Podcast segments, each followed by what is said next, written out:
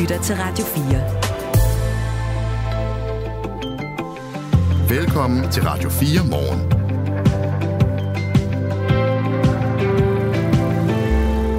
Godmorgen. Inden for en, øh, en onsdag morgen. Vi er øh, vågnet til en øh, ny måned. Det er 1. november, og klokken er 5 minutter over 6.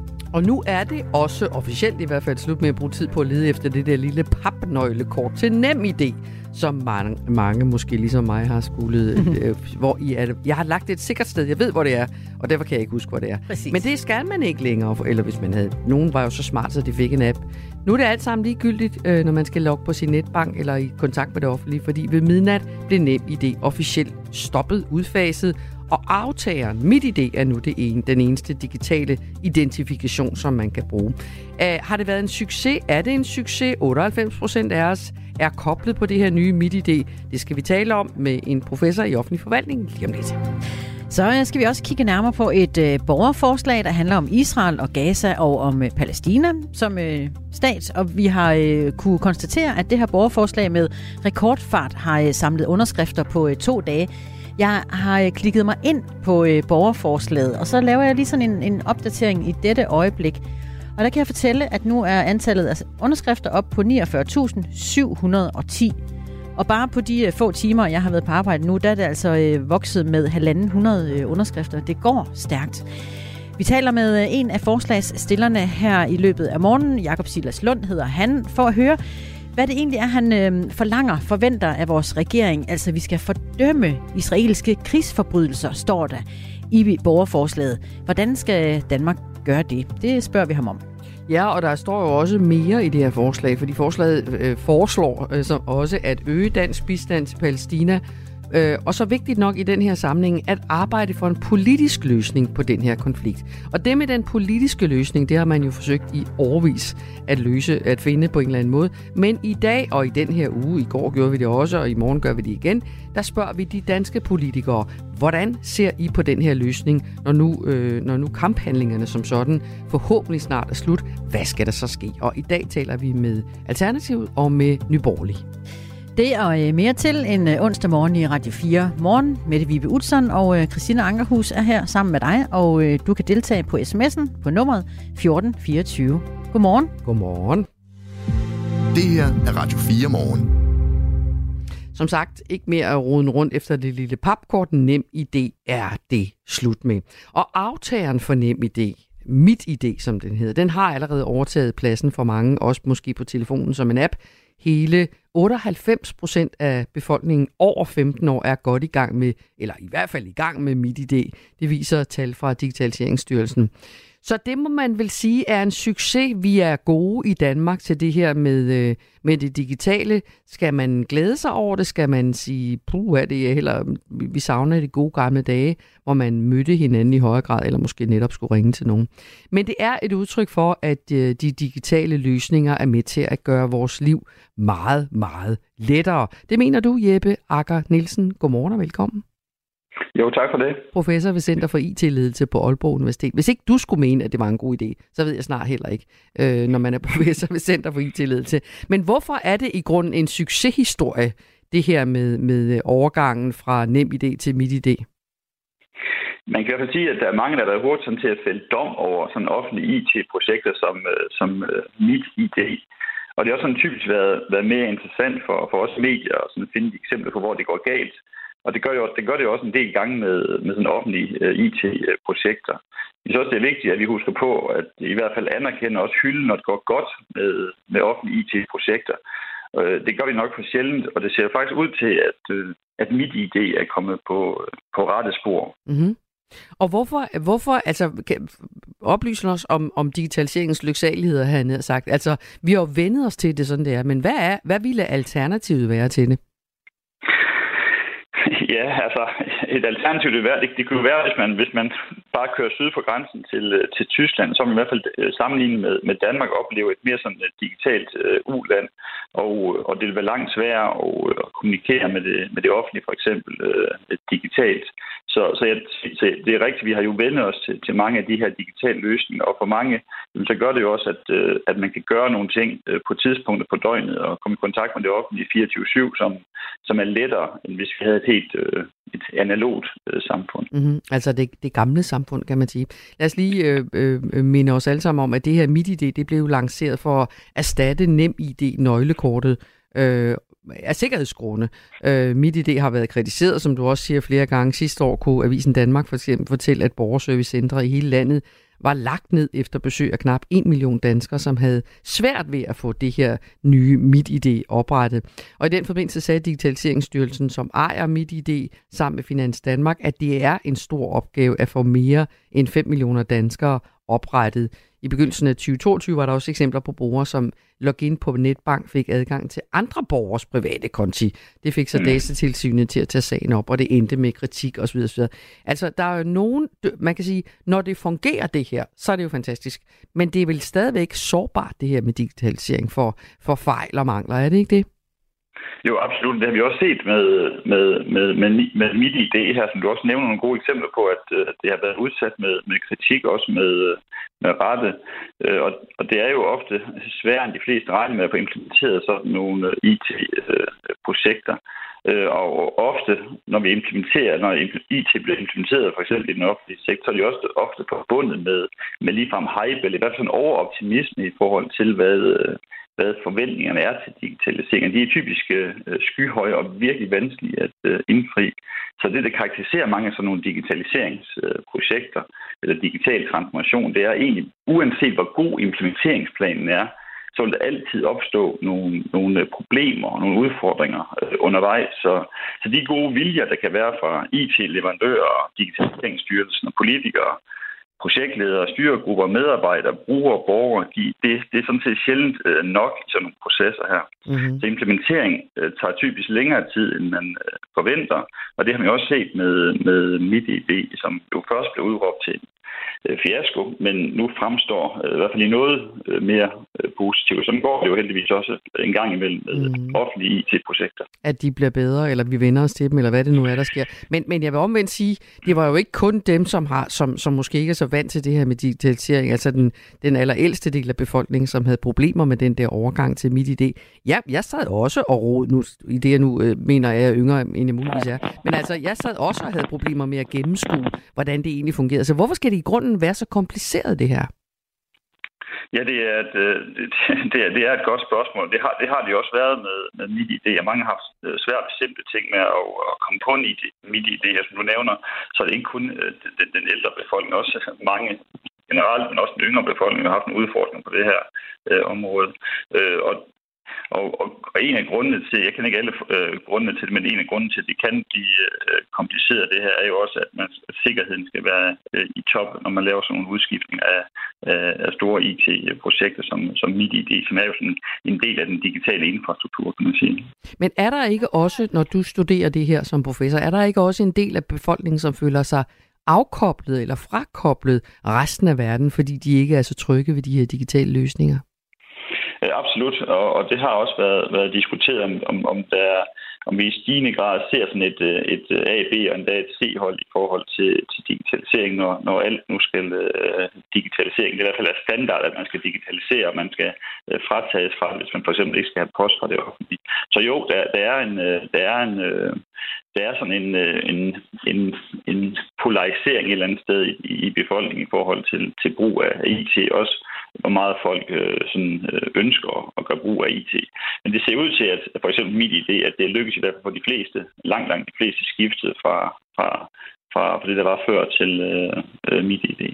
Michael fra øh, Hårslev er ikke helt enig med dig, Jeppe Akker Nielsen, professor ved Center for IT-ledelse på Aalborg Universitet. Han skriver nemlig på sms'en, at nem ID var bedre end mit ID. Mit ID, der er de gået amok med sikkerheden op til øh, 10 cifre, og værst er det, skriver han, at man ikke kan hjælpe sine gamle forældre over telefonen.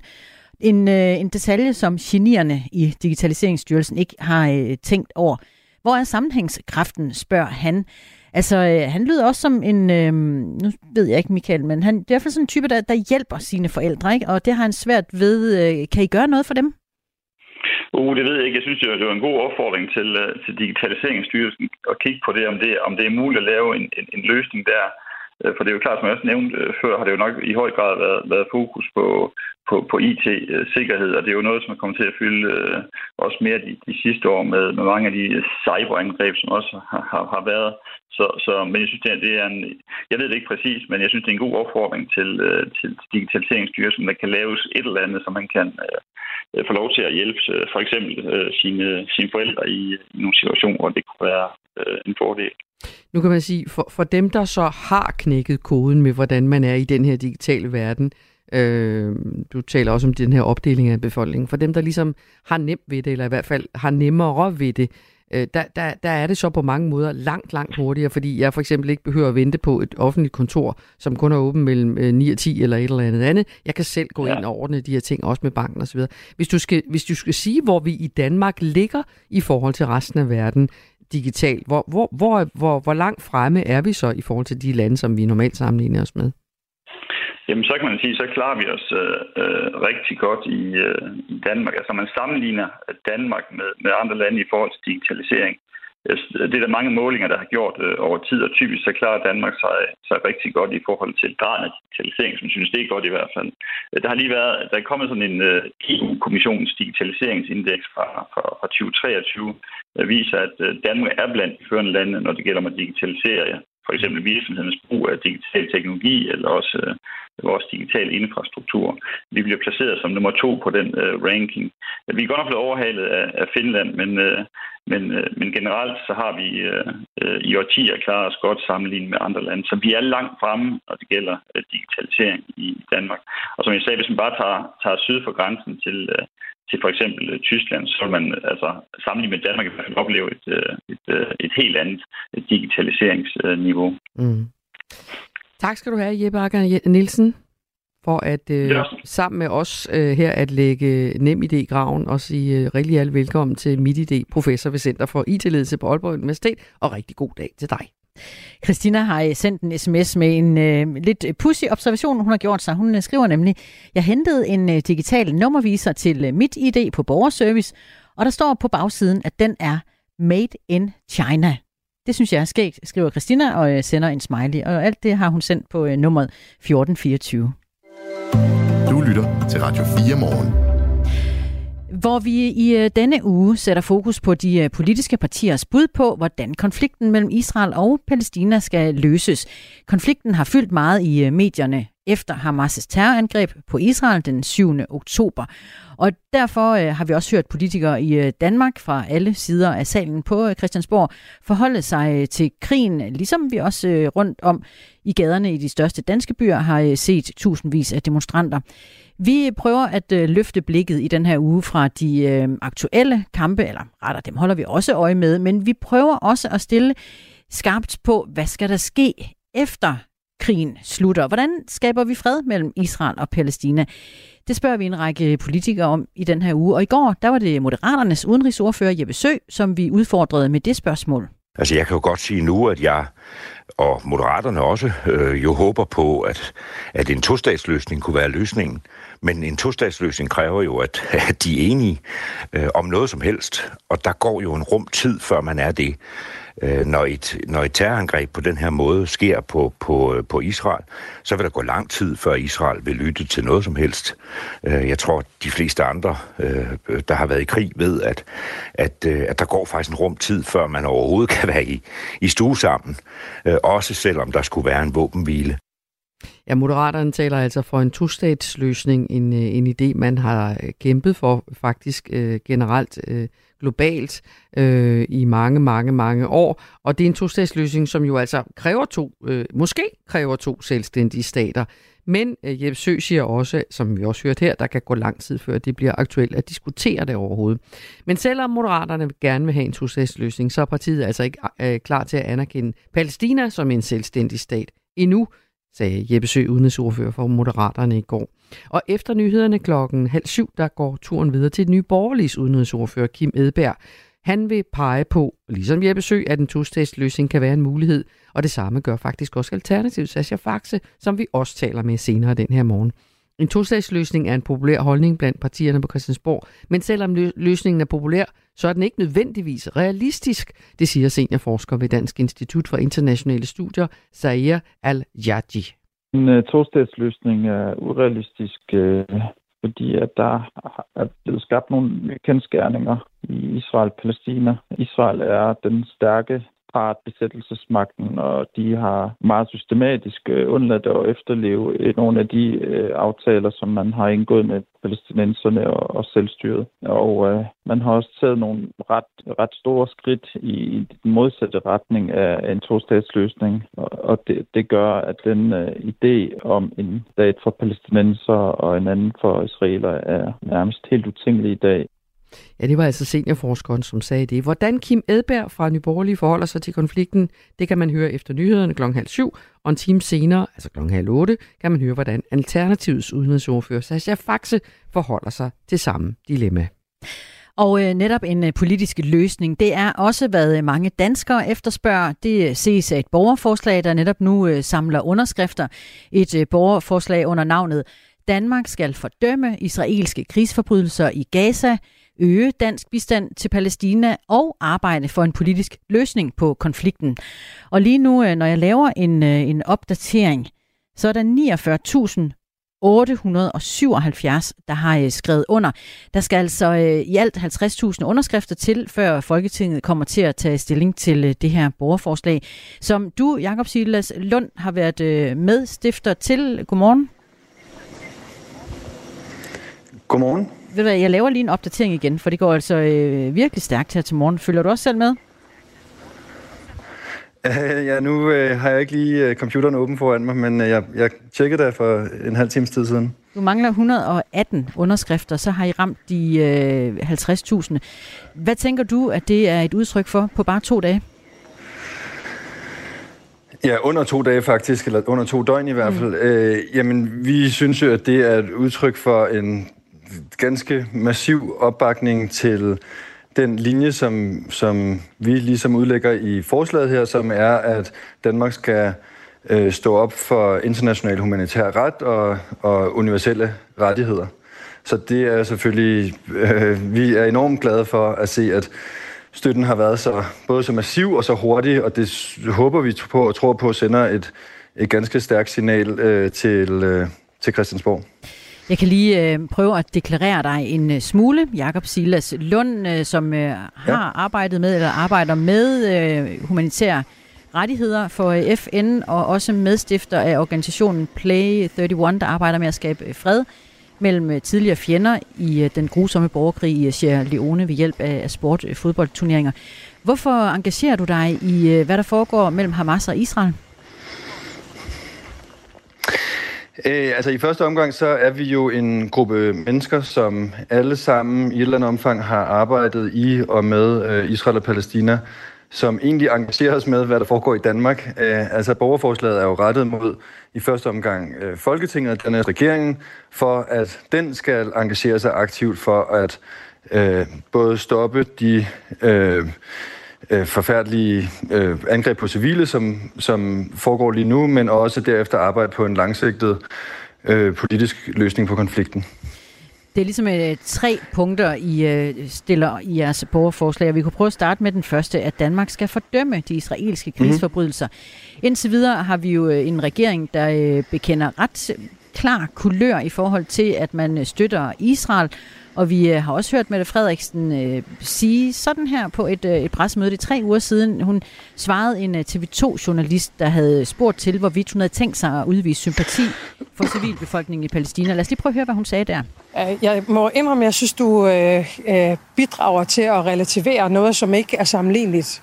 Øh, det er Hamas, en terrororganisation, der angriber et demokratisk land, Israel og Israel har ret til at forsvare sig selv, og det vil betyde nogle ofre. Det tåler ikke nogen sammenligning, og det, at en dansk journalist stiller spørgsmålet, er for mig dybt bekymrende, vil jeg gerne sige, og aldeles historie løst.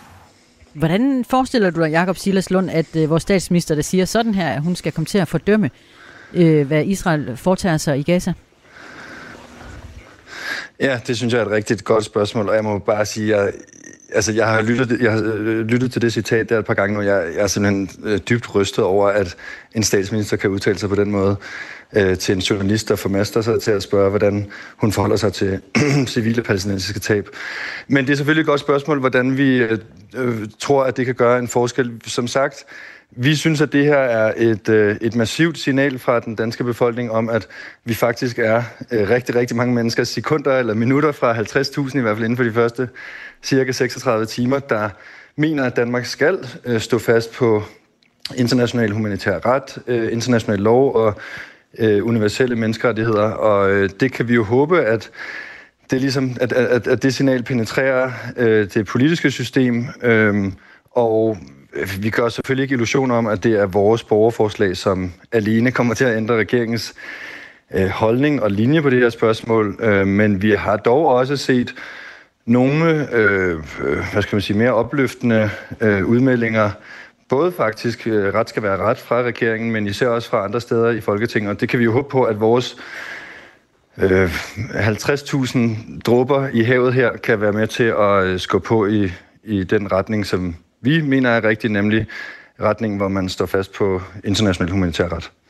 Og der er i hvert fald ingen tvivl om, Jakob Silas Lund, at I øh, får den opbakning fra øh, andre, der ønsker det samme som jer på jeres borgerforslag. For nu laver jeg lige en opdatering igen og kan fortælle, at nu mangler der 49 underskrifter for, at de rammer de 50.000. Øh, ja, du griner. Hvad, tænker du umiddelbart? Jamen, det, øh, det, jeg må sige, at jeg, jeg, jeg er virkelig overrasket over, at det går så hurtigt. Øhm, de af os, som har været med til at skrive forslaget og, og opstille forslaget, øh, har lavet en, øh, en, en intern... Øh, øh, et internt vedmål om, hvorvidt vi ville nå i mål med de 50.000, og hvornår det i så fald ville ske. Øh, og der var ikke nogen af os, der nogensinde havde tur håb på, at det kunne ske så hurtigt her. Øhm, og det, øh, altså det, det i sig selv er jo ikke øh, øh, væsentligt i den store sammenhæng her. Det er jo ikke, fordi det er en konkurrence, en borgerforslagskonkurrence. Men igen, det er bare ret øh, opløftende, fordi det virkelig siger noget om den massive opbakning her, og om at øh, altså, det er jo trods alt et forholdsvis øh, teknisk øh, tungt forslag, vi har stillet her, i hvert fald i forhold til mange andre borgerforslag, jeg har set. Så det så meget desto mere synes jeg faktisk, det er imponerende, at så mange danskere har givet at finde øh, nem idé eller, eller mit idé, eller hvad det hedder, op i lommen, og, øh, og bruge tid på at underskrive og engagere sig her. Og jeg vil også gerne i den forbindelse faktisk sige, at vi selvfølgelig håber og, og tror på, at det er et signal, som politikerne øh, bemærker, men også, at det i sig selv er opløftende for os, altså ikke os øh, medstillere, men os, der er medunderskrivere, formentlig mange af dem, der lytter i radioen lige nu, at få en så klar øh, udmelding om, at, at vi ikke står alene med de her øh, bekymringer øh, og de krav, som vi stiller, men at vi faktisk er rigtig, rigtig mange danskere, som undskyld mig, øh, mm. bakker op om det her og synes, at og det er vigtigt. Det kan godt være, at du siger, at det ikke er en uh, konkurrence, men det er altså et uh, borgerforslag, der er blandt de uh, hurtigst voksne, som uh, Folketinget nogensinde har set. Det uh, oplyser Folketingets oplysning til os her på uh, Radio 4, og jeg holder fast i dig, indtil, vi er, uh, indtil du er i mål med din underskriftsindsamling, for der mangler uh, 24 lige nu, kan jeg fortælle dig. Okay, wow. Det går wow. øh, virkelig stærkt. Det er god Den, radio, det her. I har et, øh, en del af jeres borgerforslag, der handler om, at, øh, at der skal arbejdes på en, øh, en løsning, altså en politisk forhandling mellem parterne, og man ja. skal afvikle den israelske besættelse og fjerne folkeretsstridende bosættelser, og øh, der skal afholdes palæstinensiske mm-hmm. valg. Hvordan skal den danske regering øh, være en del af det? Jamen det øh, er meget klart, synes jeg, hvordan man kan være, hvordan regeringen kan være det. Vi kan både arbejde øh, selvfølgelig, hvad skal man kalde det, public diplomacy, altså i de udmeldinger, som regeringen kommer med, men der skal selvfølgelig også politisk handling bag de ord, ellers så, så klinger de meget hurtigt, meget hult. Øh, altså det er ikke mere end 4-5 dage siden, at Danmark undlod at stemme ved øh, i FN's generalforsamling, da der var en diskussion om en resolution, der skulle øh, skabe våbenhvile nu. Øh, det, det kunne være et sted at starte, men det i sig selv løser selvfølgelig ikke den langsigtede konflikt. Jeg lyttede lige til de udmeldinger, du havde øh, tidligere fra, øh, fra øh, øh, de politiske partier, mm. og hvad mhm. deres øh, hensigter er, eller deres øh, løs, okay, løsningsforslag er på en politisk konflikt. Der mangler tre underskrifter nu. løsning. Og altså, alle kan jo godt sige to-stats to, så, la, så lad mig gøre det kort, tak. Alle kan jo godt bakke op om, at uh, der skal lige rettigheder og, og det ene og det andet, men det klinger... Tillykke. Du er i mål, Halleluja. I er i mål med jeres Lad mig bare sige ganske kort, hvis, hvis jeg må... Mange tak skal du have. Jeg tror måske, der er tak lidt forsinkelse altså, på vores linje nu. Øh, vil jeg gerne bare lige nå at sige, at det er som der skal... Nå. Ja, ved du hvad, tillykke, tillykke, ja, tillykke. Undskyld, der var lidt ja, forsinkelse på linjen her. Vi får os, lidt her ja, det gør der. Vi får samlet op på dig i uh, løbet af dagen, ingen tvivl om det. Og uh, lige nu skal vi nemlig over til nyhederne. Klokken er halv syv. Nu er der nyheder på Radio 4. FN har slået fejl, og et folkedrab udspiller sig igen for øjnene af verden, det skriver Craig Mockeber, som i slutningen af oktober sagde op fra sin stilling som direktør for FN's højkommissær for menneskerettigheders kontor. Ifølge den britiske avis The Guardian har Mockeber forladt sin stilling, fordi FN har vist sig ud af stand til at stoppe det, som han kalder Israels folkedrab på palæstinensiske civile. På ny ser vi et folkedrab udfolde sig for øjnene af os, og organisationen, som vi tjener, virker ud af stand til at stoppe det, skriver han i sit brev til til højkommissæren Folker Tyrk. Og det er bare endnu et folkedrab på en allerede alt for lang liste, skriver han. Den igangværende angro-nedslagning af det palæstinensiske folk, som er rodfæstet i en etno-nationalistisk kolonial bosættelsesideologi, der sker i forlængelse af årtier med systematisk forfølgelse og udrensning, som udelukkende er baseret på deres status som arabere, efterlader ingen plads til tvivl, skriver Craig Mockeber. FN har allerede vist sig ud af stand til at stoppe folkedrabet på folket i Rwanda, muslimerne i Bosnien, yazidierne i de kurdiske områder af Irak og Rohingya-muslimerne i Myanmar, skriver Mockeber. Den afgående chef nævner ifølge The Guardian i brevet ikke Hamas' angreb mod Israel den 7. oktober. Avisen tolker endda en sætning i brevet som, at Mockeber vil gøre op med den israelske stat. Heino Kegel, der er forbundsformand for Politiforbundet, deler ikke justitsministerens bekymringer i forhold til de sager, politiet har haft den seneste tid. Det skriver Heino Kegel, forbundsformand, i en mail til Ritzau.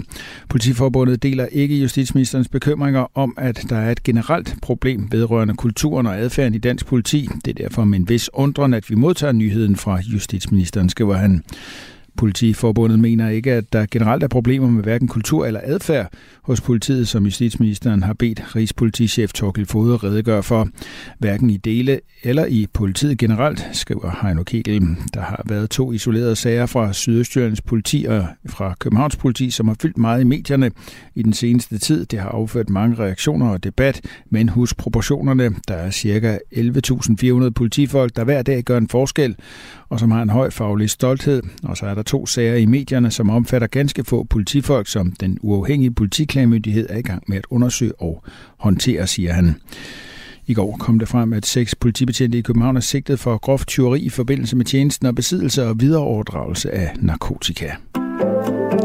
Lawrence Forsett, der i september blev den anden person i verden til at få indopereret et svinehjerte, er død seks uger efter transplantationen. Det oplyser hans lærer fra Universitetet University of Maryland i byen Baltimore, ifølge ABC News. I en udtalelse fra hospitalet fortæller Forsetts kone Anne, at hendes mand vidste, at han ikke ville overleve længe. Han forestillede sig aldrig, at han ville overleve så længe, som han gjorde, lyder det ifølge ABC News. Forsett var ikke berettiget til en transplantation med et menneskehjerte. Listen over patienter, der venter på sådan et, er lang, og der var i forsats tilfælde kun snævre chancer for, at det ville fungere. Uden et nyt hjerte stod den 58-årige amerikaner med høj sandsynlighed over for hjertesvigt. I midten af oktober fortalte hospitalet, at Forsat havde været i stand til at stå op og gennemgå fysioterapi. Lægerne skal nu ifølge ABC News analysere, hvad der skete med hjertet.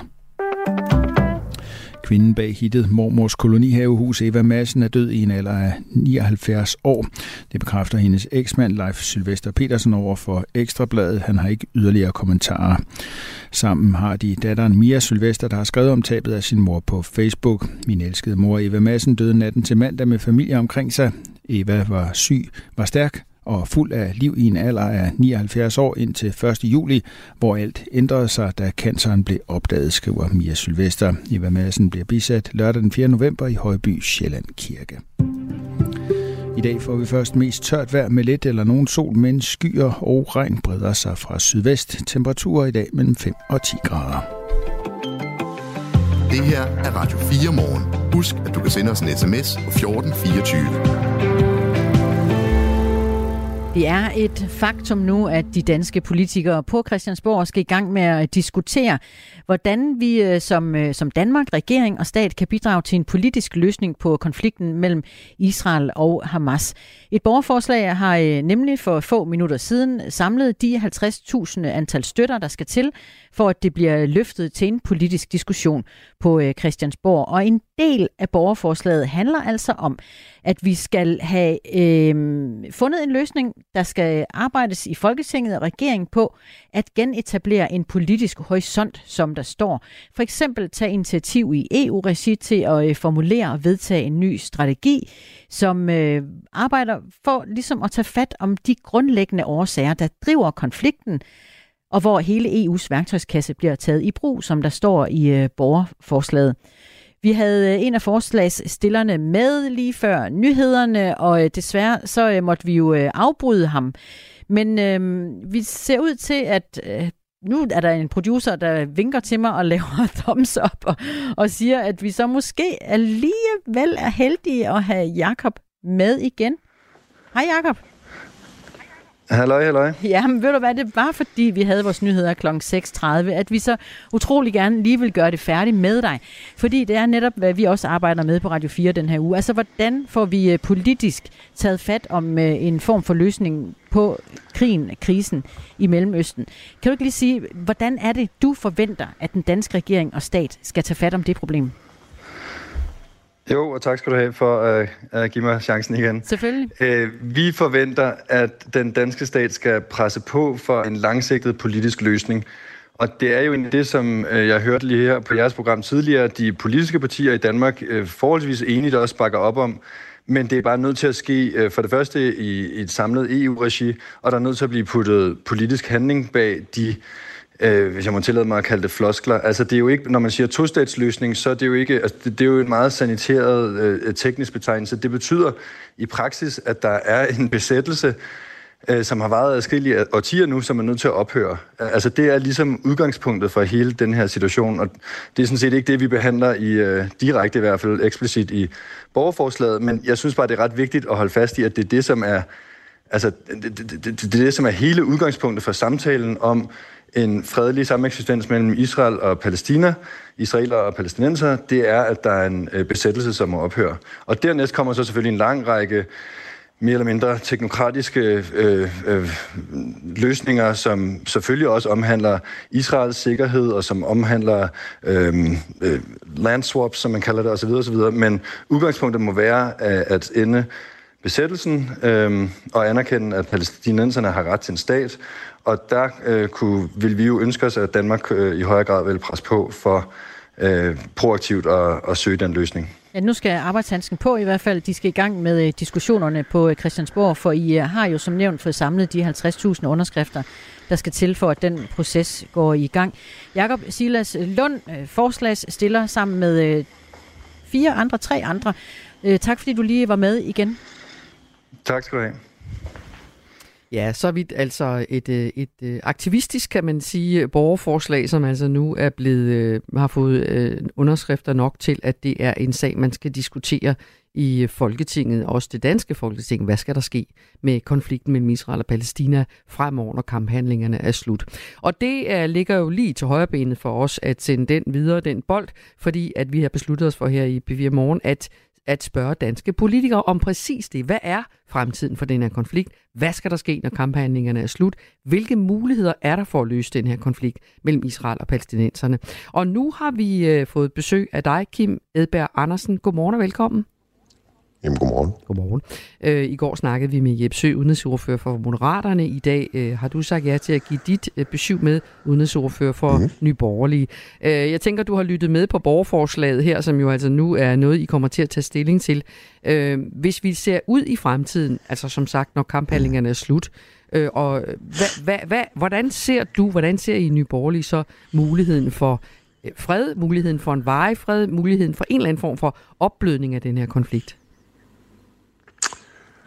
Jamen altså, erfaringen, nu er jeg jo gammel nok til at kan nærmest huske, øh, at de første palæstinenser kom, kom til Danmark i sin tid. Altså, jeg tror ikke på, at, øh, jeg tror, vi sætter folk blå i øjnene, hvis vi tror, at, øh, at, en, øh, at hvis man giver palæstinenserne altså en to-statsløsning eller sådan noget, at det på nogen måde øh, skaber fred i området. Altså, det er sådan, som, som vi ser det, så drives det her af øh, religiøs ekstremisme. Og, det, der og begge sider, sige, eller hvad? At, øh, Ja, det, det, det er nogle gange, så, så, så er den ene part altså ikke bedre end den anden. Det må jeg jo sige. Som udgangspunkt, så tror jeg, at øh, problemstillingen lige nu, det er primært, øh, at pal- palæstinenserne de har et selvstyre, som de har valgt øh, Hamas til at stå for. Øh, og, og, og det er jo ikke givet for en situation, hvis man, man på nogen måde ønsker, at øh, befolkningsgrupperne øh, i det område, de skal leve i, i fred med hinanden. Øh, at man vælger en, en ledelse af et land, hvor at, øh, ligesom udgangspunktet, det er, at øh, den israelske sag, den skal, den skal fjernes fra jordens overflade. Mm-hmm. Så, så øh, det er nok blå i øjnene på folk at tro, at, øh, at selv på, på bagkanten af, af, de uroligheder, der er lige nu, at, øh, at der bliver sådan varig fred dernede. Mm. Så, det, så, så du, du, i virkeligheden så siger du, at, at der er ikke nogen løsning. Er det sådan, jeg skal forstå det? Heller ikke en to-statsløsning? Det, der er i hvert fald ingen løsning, som hverken borgerforslag eller EU eller nogen anden kan, kan tvinge ned over dem. Altså det her, det er jo, øh, det er befolkningerne i de områder, der skal ønske at leve i, i fredelig sameksistens, og øh, der er det ikke givetigt, at, øh, at den ene part lige pludselig øh, slår hundredvis af mennesker på en festival ihjel, fordi de synes, at øh, de har en eller anden form for ret til det. Øh, og det gælder, det kunne lige så godt have været den anden vej, men nu er det jo nogle gange øh, Hamas og Palæstina, der har der har startet den konflikt her, øh, som det så i øvrigt har været rigtig mange gange øh, undervejs. Jeg tror, at, øh, jeg tror, at øh, den rigtige måde, det er på en eller anden måde, hvis man skal lægge pres på noget dernede, så skal man lægge pres på, at palæstinenserne de får fjernet Hamas fra, fra magten, øh, og, og så man måske kan komme til en dialog på den anden side af det. Men Kim Ebbe, selv hvis man gør det, selvom man forestiller sig, at, øh, at, at palæstinenserne vælger en anden end, end Hamas til at, øh, at hvad skal man sige, lede det her øh, deres, deres den, den del af, af, af ja. Israel, som er blevet Palæstina. Hvordan pokker man nu næsten formulere det? For det er heller ikke nogen rigtig formulering af, ja. hvad der er sket. Men du forstår, nej, hvad jeg nej. mener. Øh, øh, ja, altså, men, men, men selv hvis man gør det, så er der jo stadigvæk den her konflikt, er jo ikke startet med, at Hamas laver det her terrorangreb på, øh, uanset hvor redselsfuldt og forfærdeligt øh, det er. Nej, den startede jo, men man skal bare huske, at den, at man, man, sandheden er altid det, der forsvinder først, når der er, når der er krig nogle steder. Mm-hmm. Øh, og man kan sige, jeg har også lagt mærke til dem her, der siger, at nu har israelerne øh, besat øh, området i, i 56 år. Og så glemmer man at fortælle, hvorfor de gjorde det. Og det var jo, fordi israelerne blev angrebet fra alle de muslimske stater dernede, øh, lige inden seksdagskrigen. Øh, men, øh, så, så israelerne, man skal for, om det er for at forstå mentaliteten ja, ja. i Israelerne føler jo, at de er i et sted, hvor de bliver angrebet, og mm. derfor så har de forsvaret sig selv, og for at få ro i og, og sikkerhed for deres land, så har de så gjort det her. Og, og så udvikler det sig jo derfor, og det er jo 80 år gammelt efterhånden. Præcis. Og men, men, men retfærdigvis, Kim Edberg Andersen, og det er jo derfor, vi hele tiden ender i den her historiske tilbageblik. De er, som også godt hvis, mener, det er vigtigt at have historien med, men det er jo fordi, at mm. man kan jo så sige, at når palæstinenserne og de andre arabiske lande gjorde det, så var det jo fordi, de følte, at det land, som hed Palæstina, blev taget fra palæstinenserne. Mm. Og det er vel også en del af ja. den her konflikt. Ikke også, at der kan hele tiden være nogen, som ser jo, endnu længere jo, jo. tilbage. Så kan øh, jøderne jo, jo, sige, at det var oprindeligt vores land. Og så, så hvis man nu siger ja. nutidigt, ikke også? Altså hvis vi siger lige nu, ja. ja, du forstår, hvor jeg vil mm. hen, ikke også? Så, så kan jo. man vel sige, hvis, hvis et eller andet sted, så må der vel trækkes en streg i sandet, fordi når palæstinenserne vælger Hamas, øh, så er det vel, fordi de, må man gå ud fra, øh, ikke ser andre muligheder, fordi de blandt andet lever i Gaza, hvor de ikke kan komme ind, de kan ikke komme ud. Det er palæstinenserne, der styrer de her områder. Så kan du, kan du se for dig, at hvis palæstinenserne får nogle andre levevilkår øh, i Gaza og på Vestbreden, at de her voldelige angreb så også kunne holde op? Nej, det kan jeg ikke, fordi at du har en konstruktion med... Det er jo altid problemstillingen i områder, hvor at, øh, et land omkranser fuldstændig, øh, selv hvis du kalder... Hvis man, lad os nu vælge at kalde Palæstina en land, selvom det ikke er en, en, en stat.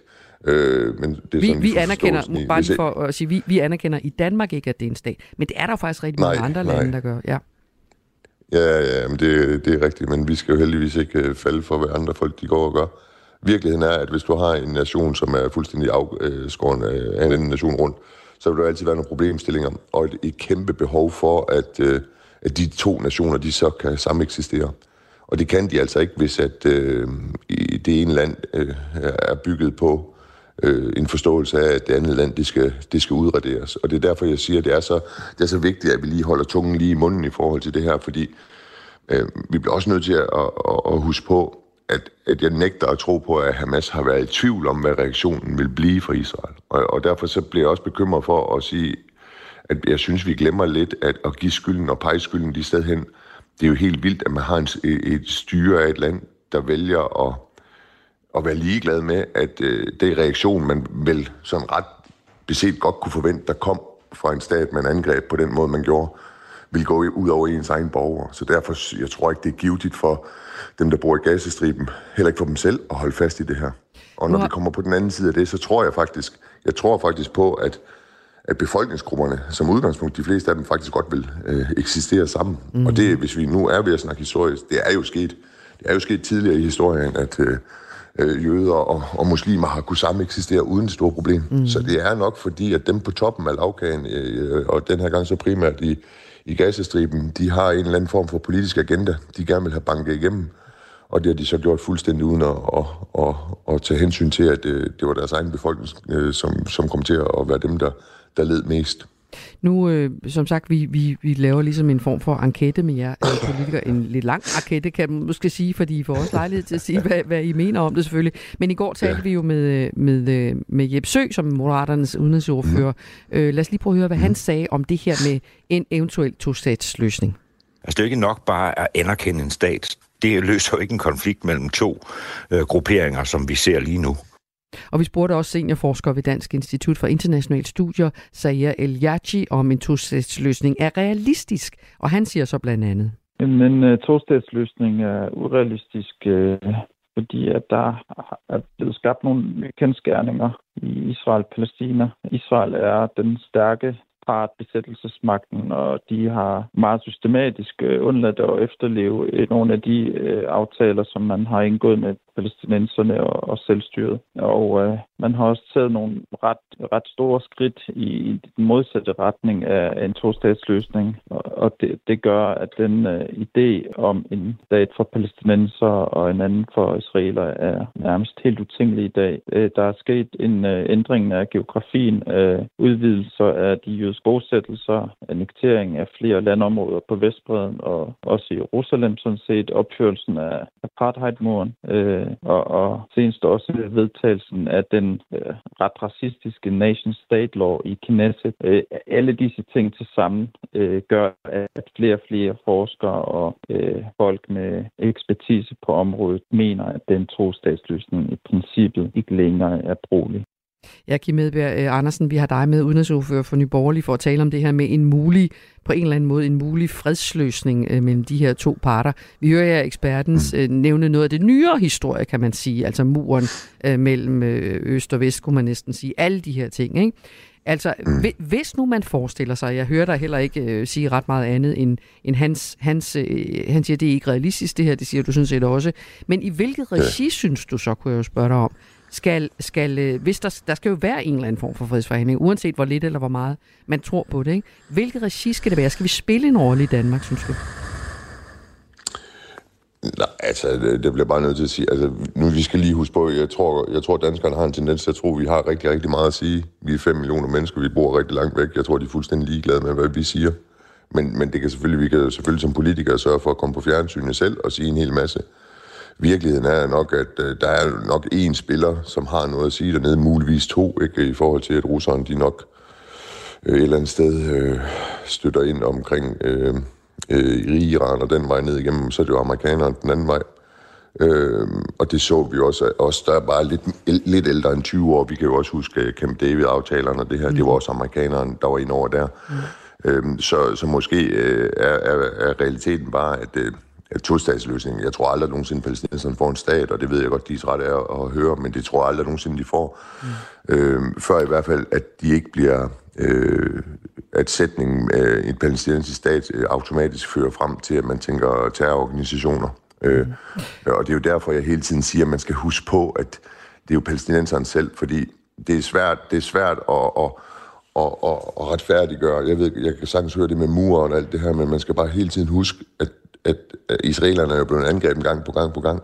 Øh, og, og så er det svært at sige til dem, at de ikke må bygge en mur. Det er også svært i den her situation, selvom alle, øh, håber jeg da virkelig i Danmark, er enige om, at det er frygteligt, det der sker med, med, med, med helt civile mennesker i begge, i begge steder.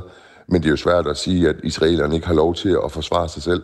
Altså, og, og, og det er derfor, jeg bare siger, at jeg tror, at løsningen den kommer et andet sted fra. Altså, palæstinenserne skal holde op med at gemme sig bag ved, ved noget, som de kalder frihedsorganisationer, når det, den måde, de, de gør det på, det er, det er ved terror. Og når de gør det, så tror jeg faktisk også, at, at, at så kommer sameksistens. Fordi selvfølgelig, øh, som forskeren også siger, der har været nogle annekteringer af nogle områder, hvor at, øh, FN har været inde og sige, øh, hør nu her, det her det er ikke i orden, øh, Israel, I overskrider jeres øh, beføjelser her. Også, men, men det er altså det, det, det er svært, når argumentationen det er, det er for deres egen sikkerheds skyld, og man mm. så bagefter kan se, jamen de er jo blevet angrebet, angrebet, angrebet. Mm. Så, så det jeg bare siger, det er, der, der er ikke nogen, som, altså man skal ikke, man skal ikke sætte den ene hverken højere eller lavere end den anden, men, mm. men, men skal der fred dernede, så, så bliver det en fred på samme måde som nu, at der bliver områder, hvor at der er selvstyre øh, for palæstinenserne. Øh, og, og hvis øh, at de så øh, for pokker bare kunne have et selvstyre, hvor at øh, de valgte øh, øh, ikke at, at, at angribe øh, Israel, så vil der på den længere bane jo også være større grobund for, at det internationale samfund så måske øh, gik i en dialog med Israel og sagde, tror du ikke tiden den er kommet til de fik deres stat? Mm. Jeg tror, de griber de forkerte øh, værktøjer, når de vælger at angribe, og især når de vælger at angribe øh, civile. Tak det skal det, du de have. Gjorde. Altså, ja. Ja. Super interessant øh, at tak. høre, øh, hvordan I ser på det. Nej, men øh, tak for, øh, for dine analyser og dine holdninger som politiker, som udenrigsordfører for mm. Nyborgerlig Kim Edberg Andersen. Vi fortsætter med at høre andre partiers forslag på en løsning til konflikten her den i løbet af morgenen. Vi taler med Alternativet lidt senere. Du lytter til Radio 4. Måske fordi du ikke allerede har bestemt dig for, hvad du mener om alting. Radio 4. Ikke så forudsigeligt.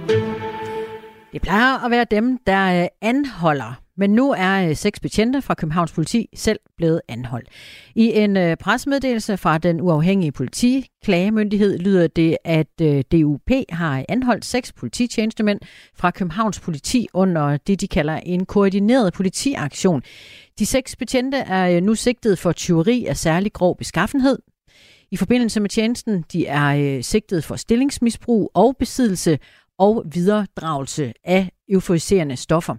Ole Sønder, formand i Københavns Politiforening. Godmorgen. Godmorgen. Ja, det er jo øh, jer, der organiserer polititjenestemænd lige fra øh, lav til høj politielev til øh, chef politiinspektør. Hvor alvorlig er den her sag? Jamen, øh, jeg synes, øh, pressemeddelelsen fra Duben i går, hvor de skitserer sigtelsen, det, det er sådan forholdsvis alvorligt, må man sige. Jeg kan ikke menes, at øh, jeg i mine snart 25 år har set noget, øh, noget fortilfælde. Øh, det, der selvfølgelig gør det alvorligt, det er, at det ikke kun er én øh, af mine kollegaer, men hele seks, der i en eller anden form for koordination, øh, forening, hvad jeg nu skal kalde det, øh, nu er sigtet øh, af ja, politiklagemyndigheden over i Aarhus. Og hvordan det kan lade sig gøre, at de uh, taler sammen om at lave forbrydelse angiveligt, det kommer vi også til at tale om. Men jeg skal lige høre dig, hvad, hvad ved du om, hvad det er, de egentlig har gjort? Hvad kan vi uh, fortælle?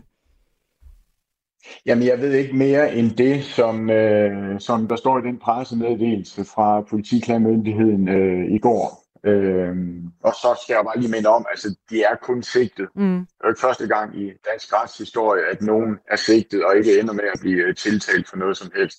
Så det er jeg nødt til lige at holde fast i. Det er stadigvæk mine øh, medlemmer. Øhm, mm. Og jeg skal også have de her seks tilbage på arbejde, hvis ikke de bliver dømt. Så, øh, men øh, ja, det er alvorligt. Men som sagt, jeg kender ikke mere til sagen, end det, der er skitseret i, øh, i pressemeddelelsen fra politiklagemyndigheden. Og det bliver jo øh, efterforsket øh, fortsat nu af politianklage, øh, politiklagemyndigheden. Og når sagen er efter færdigforsket, så øh, er det op til statsadvokaten i København, om der skal rejses tiltale mod betjentene. Sagen har fået øh, justitsminister Peter Hummelgaard til at kræve en redegørelse fra Københavns politi, og han øh, skriver i en kommentar til TV2, at han er bekymret over det billede, der på baggrund af en række konkrete sager den seneste tid er blevet tegnet af kulturen og adfærden i dansk politi. Hvordan tror du, at det påvirker tilliden fra borgere til politiet? Jamen, der er jo ingen tvivl om, at øh, hvad hedder det, tilliden til politiet, jamen, den lider selvfølgelig et knæk, øh, når der dukker den her slags sager op. Øh, det er vi fuldstændig bevidste om, og jeg tænker egentlig også, det er derfor min egen ledelse i København meldte så markant ud, som de gjorde i går. Og det er selvfølgelig også derfor, jeg deltager i det her øh, interview her til morgen. Når øh, seks kolleger, politimænd, kan finde sammen på den her måde, hvad fortæller det dig om kulturen blandt politi og tjenestemænd? Øh, det fortæller mig i hvert fald, at, øh, at der er seks kollegaer her, hvis kompas, ud fra det, de nu er, er sigtet for, øh, er lidt ude af trit med, med øh, resten af styrkens øh, adfærd. Øh, jeg er selvfølgelig ikke enig i øh, justitsministerens øh, konklusion forløbig. Øh, jeg mener ikke, at at borgerne har grund til at have mistillid til politiet generelt. Øh, jeg forstår godt, at man lige tænker, hov, hvad fanden skete der der i København, øh, når sådan en sag her dukker op. Det er jeg helt indforstået med.